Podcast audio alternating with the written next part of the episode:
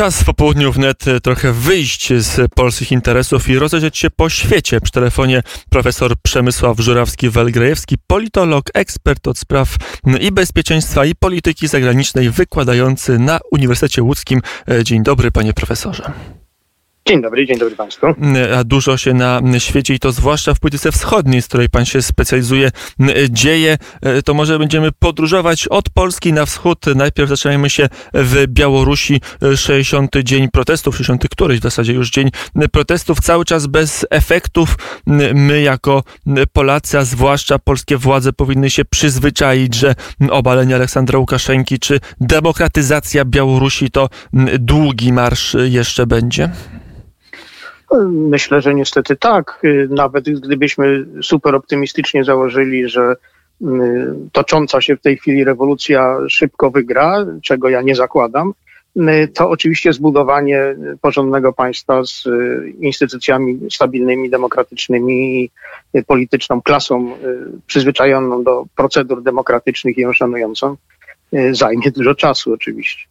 E, zajmie dużo e, czasu, tylko jak w ramach e, tego czasu grać? Wiem, że ambasadorzy zostali wezwani na konsultacje i Polski na Białorusi. Zdaje się, że także ambasador Białorusi Litwy, tak. tak, w Rzeczpospolitej chyba także udał się do Mińska, więc jest pewne zaognienie i to jest tak, że już Warszawa powinna zaprzestać dialogu z reżimem Łukaszenki. To jest tak, że w tej chwili powinniśmy już nie uznawać tych władz i szukać innych kanałów komunikacji ze społeczeństwem społeczeństwem białoruskim?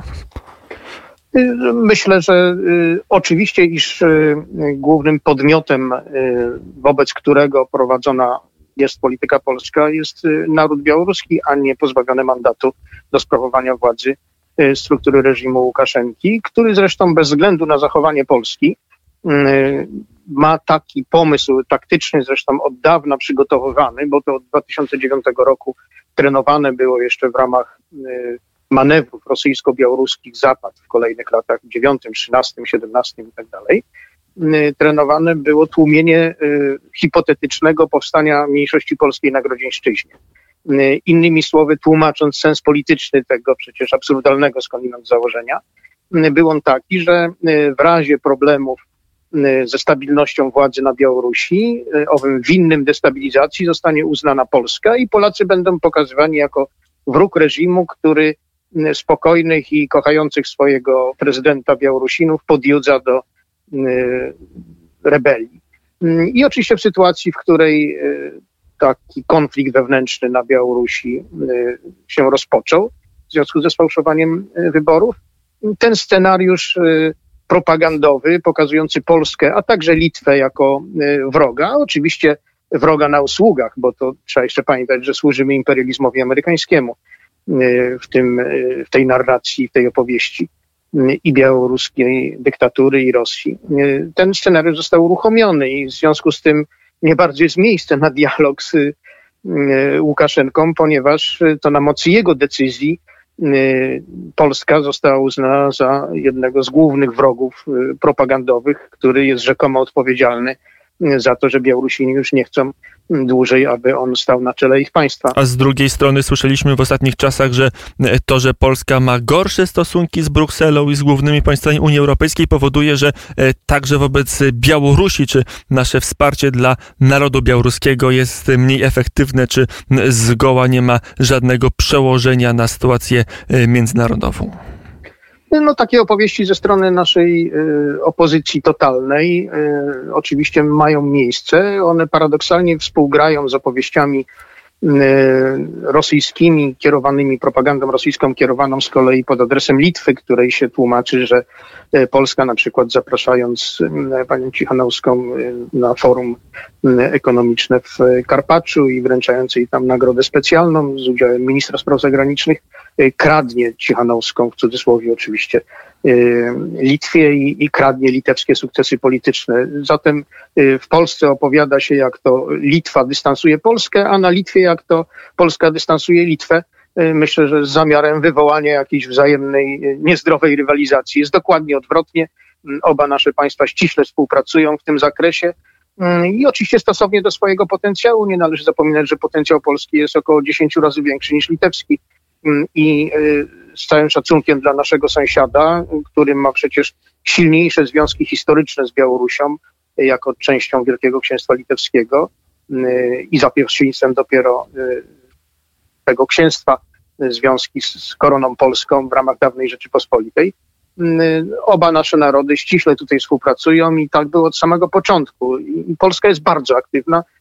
Już przed wyborami 7 sierpnia nastąpiło oświadczenie w ramach trójkąta weimarskiego ministrów spraw zagranicznych y, Polski, Niemiec i Francji. Y, później po 9 sierpnia y, w ramach dwustronnych właśnie polsko-litewskich stosunków deklaracja obu prezydentów 10 sierpnia w ramach trójkąta lubelskiego, czyli Polski, Litwy i Ukrainy. Później jeszcze z innymi państwami bałtyckimi, Litwą, Łotwą, Estonią i Finlandią. Także nasz minister spraw zagranicznych podejmował kroki w tym kierunku, żeby zwołać spotkanie ministrów spraw zagranicznych państw członkowskich Unii Europejskiej, co było skuteczne, bo takie spotkanie nastąpiło. Później znowu było oświadczenie prezydentów obu i tak dalej, tak? No, prezydentów Polski, państw bałtyckich, wszystkich, nie tylko Litwy. 13 sierpnia później wideokonferencja Rady y, Unii Europejskiej, czyli wszystkich ministrów spraw zagranicznych, właśnie z inicjatywy Polski, mm, y, później z ogłoszenie planu Morawieckiego, y, solidarnie z Białorusią i, i wsparcia dla Białorusi, rozmowy także z prezydentem, naszego prezydenta z prezydentem Niemiec, telefoniczne, y, później znowu z państwami bałtyckimi i tak dalej. No, trzeba by tu całe kalendarium przedstawić, ale mm, to y, sięgnęło przecież zorganizowania także na prośbę Polski nadzwyczajnego szczytu Unii Europejskiej poświęconego właśnie kwestii białoruskiej, szczytu online, bo w warunkach epidemii to 19 sierpnia miało miejsce i później kolejny szczyt także Y, temu był poświęcony, także spotkaniu ministrów spraw zagranicznych w ramach tak zwanej y, formuły y, Gymnich w Berlinie, już z udziałem ministra Rała. Więc bardzo dużo się działo i, i skutecznie Polska ostatecznie przecież teraz kilka dni temu wręcz przyjęła, czy przeforsowała na forum unijnym ze wsparciem Litwy oczywiście i także paru innych państw Y, plan dla Białorusi, y, plan y, pomocy unijnej w oparciu o unijne instytucje finansowe i Międzynarodowy Fundusz Finansowy także. Oczywiście wsparcia dla Białorusi już demokratycznej. Wszyscy rozumiemy, że inwestycje infrastrukturalne na Białorusi wymagają współdziałania z rządem tego państwa i chyba nikt nie ma złudzeń, że obecny rząd będzie współpracował w tym zakresie, zresztą podobnie w kwestii liberalizacji wiz, ale te wszystkie projekty przedstawione przez Polskę na forum Unii Europejskiej zostały przyjęte. Mm, I to e, pokazuje, że jednak jest możliwość skutecznego prowadzenia polityki polskiej na mm, arenie europejskiej i e, polskiego punktu widzenia, przekuwania na punkt widzenia całej e, wspólnoty, chociaż jest pytanie, mm, na ile, na ile, gdzie nas to doprowadzi, bo pojawiają się głosy, że może jednak warto zachować jakiś kanał komunikacji, może jednak warto z jednej strony wspierać opozycję, ale z drugiej strony mieć tą nić jakiejś łączności z Aleksandrem Łukaszenką, jak pan profesor profesor na tego typu głosy by odpowiedział? No to zależy, jak to zdefiniować. Oczywiście, że dwa sąsiadujące ze sobą państwa muszą mieć jakieś kanały komunikacji, chyba że toczą wojnę. A nawet w przypadku wojny takie kanały pośrednie, ale też istnieją. My na szczęście niczego takiego nie toczymy i na to się w żadnym wypadku nie zanosi. Natomiast oczywiście obniżenie poziomu kontaktów dyplomatycznych nie oznacza ich zerwania. I to, co jest w tej chwili najważniejsze, to to, aby e, Polska została zapamiętana na Białorusi przez naród białoruski e, jako e, sojusznik tego narodu w trudnych dla niego chwilach walki o demokrację, bo on ostatecznie zwycięży i to z Białorusią stworzoną w przyszłości przez ten ruch, czy też jego następców, będziemy mieli do czynienia. To będzie Polsce pamiętane, jak ona się zachowywała w tych trudnych chwilach. Ale tak z drugiej pamiętamy... strony może nadzieja pana profesora, y, tak jak my pamiętamy pomoc zachodnią, y, jak nadzieja pana profesora może, może być płodna, o ile Białoruś nie przetrwa tego okresu. Być może teraz Łukaszenka, nie mając innej alternatywy, wejdzie w bardzo bliski sojusz z Rosją, ba być może Białoruś stanie się częścią Federacji Rosyjskiej i wtedy o niezależnej Białorusi będziemy będziemy mogli, no może nie to, że pomarzyć, ale trzeba będzie czekać na kolejną poważny, kolejny poważny kryzys państwa rosyjskiego. Tak, tylko że tak tragiczny rozwój wydarzeń nie ma nic wspólnego z takim czy innym poziomem relacji dyplomatycznych między Polską a reżimem Łukaszenki. Gdyby się sytuacja rozwijała w kierunku opisanym przez pana redaktora, to to czy będziemy mieli e, ambasadorów nawzajem w swoich stolicach, czy też na niższym szczeblu będą reprezentowane nawzajem nasze państwa, nic tu nie zmieni. E, zatem e, sytuacja wygląda moim zdaniem w sensie gry strategicznej białorusko-rosyjskiej w ten sposób, że Łukaszenka po 9 sierpnia, po wyborach stracił jakiekolwiek pole manewru. Proszę pamiętać, że po spotkaniu z Putinem 14 września zdecydował się wysłać syna do szkoły, do Moskwy, czyli mówiąc otwartym tekstem, dał zakładnika, niczym w czasach starożytnego Rzymu wodzowie barbarzyńscy cesarstwu. Albo w czasach feudalnych. No, czy, czy, czy tak za Złotej Ordy, czy, czy innych tego typu imperialnych struktur. I nie jest żadną barierą wobec Rosji Y, zupełnie jego przetrwanie zależy od poparcia Rosji. Y, w związku z czym nawet jeśli taką rolę odgrywał przed 9, przed 9 sierpnia i to w bardzo ograniczonej przecież mierze, y, to obecnie nie odgrywa. Myślę też, że trzeba dostrzec trzy poziomy interesów rosyjskich w tej sytuacji. Poziom państwowy, który wymaga redukcji kosztów. Zauważmy, że Rosja w tej chwili ma bardzo wiele pożarów dookoła. Najświeższy to Kirgistan, no ale mamy i Karabach, mamy Ukrainę, Syrię, zaangażowanie nieformalne w Libii, no i problemy na Białorusi i wewnętrzne w Rosji, że wspomnimy o Chabarowsku. Y, te wszystkie rzeczy nakładają się na głęboki spadek dochodów budżetowych w związku z kryzysem cenowym na rynku ropy naftowej i gazu, jeszcze pogłębianym przez COVID, już pomijmy same problemy medyczne, wewnątrz Rosji. Y, chodzi po prostu o to, że tych zasobów znowu tyle nie ma, żeby prowadzić aktywną politykę na wszystkich mm, kierunkach. Rosja nie jest y, takim supermocarstwem, jak był Związek Sowiecki, a i on nie wytrzymał aż tylu kierunków. Y, w związku z tym interes państwowy Rosji wymaga redukcji kosztów. Redukcja kosztów wymagałaby usunięcia Łukaszenki, bo łatwiej jest uspokoić nastroje na Białorusi bez Łukaszenki niż z Łukaszenką. Mm, imperialny interes Rosji wymaga utrzymania dominacji nad y, Białorusią, ale też po możliwie najniższych kosztach. Ale interes siłowików z Kremla z Putinem na czele wymaga, żeby Rosjanie nie mieli przykładu takiego, że oto ulica jak na Białorusi może obalić prezydenta. W związku z czym nie mogą usunąć Łukaszenki, muszą podrażać te koszty, przynajmniej tymczasowo, y, do momentu, kiedy Y, sytuacja się nie ustabilizuje, a nie zanosi się na to, żeby się ona ustabilizowała. To ruch może być przytłumiony, niczym Solidarność w Polsce po stanie wojennym, ale to przecież nie znaczało, że on zniknął. Y, można go nasycić agentami, to też znamy z naszej historii, ale to, że wielu agentów było czołowych władzach Solidarności nie oznaczało, że ruch był nieautentyczny y, albo nie doprowadził do upadku systemu.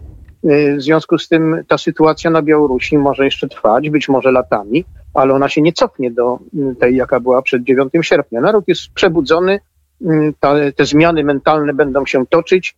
Y, Rosja opowiadając się ze względu właśnie na interes siłowików z Kremla po stronie y, dyktatora, przynajmniej tymczasowo. Ona go może za parę miesięcy usunie, kiedy y, uzna, że koszty już są za wysokie, ale tymczasem musi te koszty ponosić właśnie z uwagi nie na interes nawet imperialny, ile klanowy siłowików, Y, i y, będzie tym samym prowadziła do ewolucji y, poglądów samych Białorusinów na Rosję, którzy przecież dotąd nie byli narodem antyrosyjskim, natomiast jeśli Rosja będzie się ukazywała im coraz wyraźniej jako główny gwarant władzy znienawidzonego dyktatora, no to będzie tracić wizerunkowo.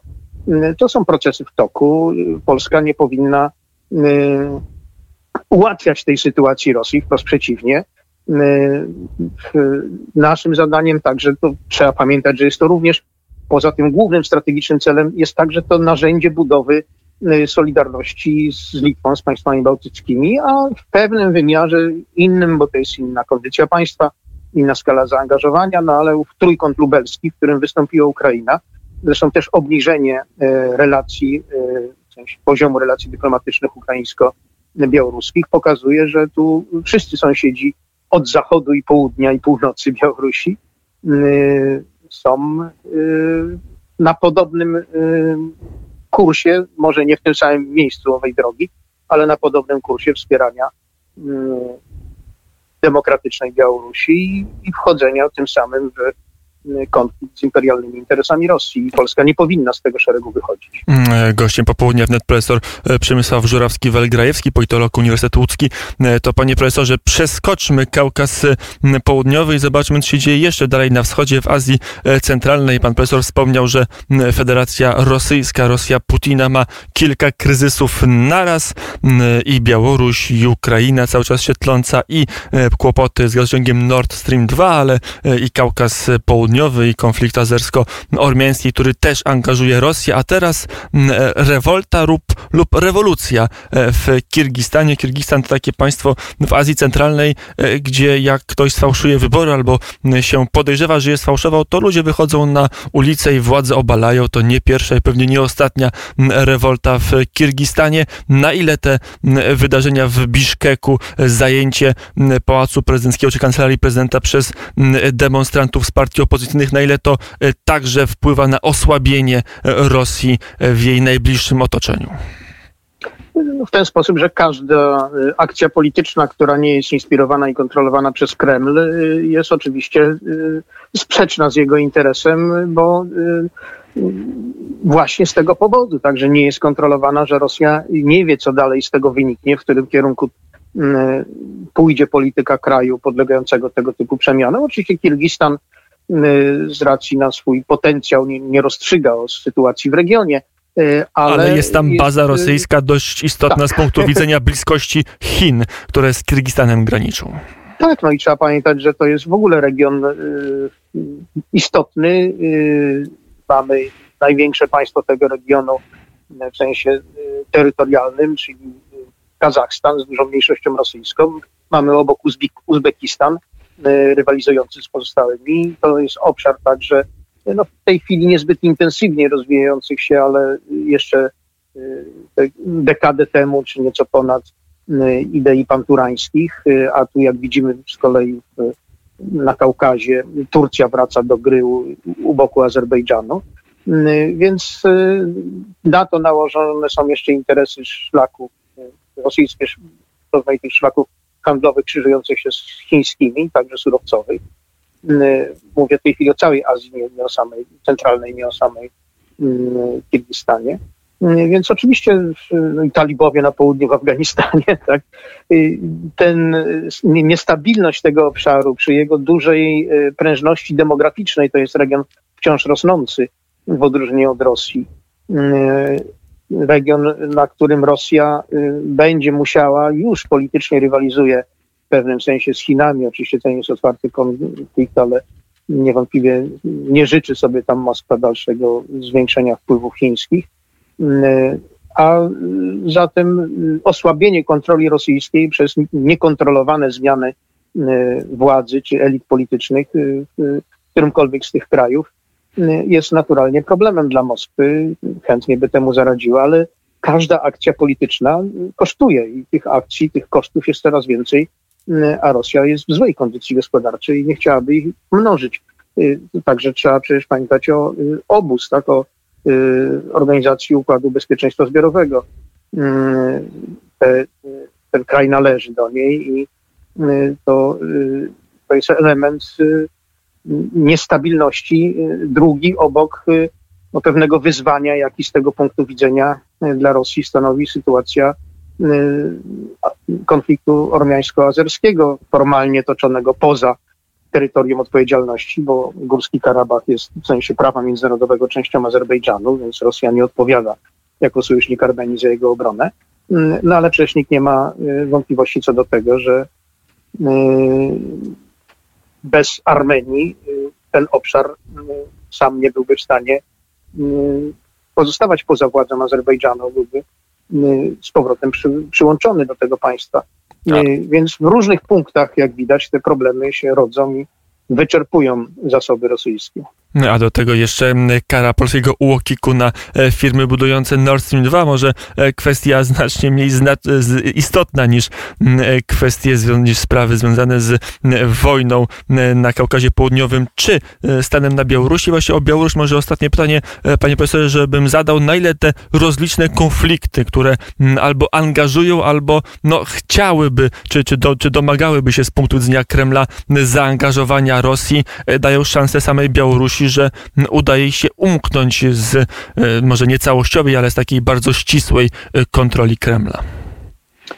No zawsze te szanse zwiększają, a nie zmniejszają, chociaż trzeba pamiętać, że e, co jak co, ale Białoruś jest jednak mm, absolutnie priorytetowym tutaj kierunkiem. Jest położona w samym centrum newralgicznego obszaru geostrategicznego z rosyjskiego punktu widzenia. Jej kontrola nad nią daje Rosji o kilkaset kilometrów przesunięcie zasięgu strategicznego na zachód i odwrotnie stawiałoby to, jej utrata stawiałaby Rosję w pozycji, w której około 4, ponad 400 kilometrów, więc jak na rosyjską skalę to dosyć blisko, od granicy znajdowałaby się Rosja. Więc znaj proporcjum mociumpanie, tak by można powiedzieć, za Aleksandrem Frawią Fredro. Białoruś wśród tych wszystkich problemów, o których rozmawialiśmy, niewątpliwie ma dla Rosji znaczenie priorytetowe. Powiedział profesor Przemysław Żurawski-Welgrajewski, politolog Uniwersytet Łódzki. Panie profesorze, dziękuję bardzo za rozmowę. Dziękuję bardzo. I do usłyszenia.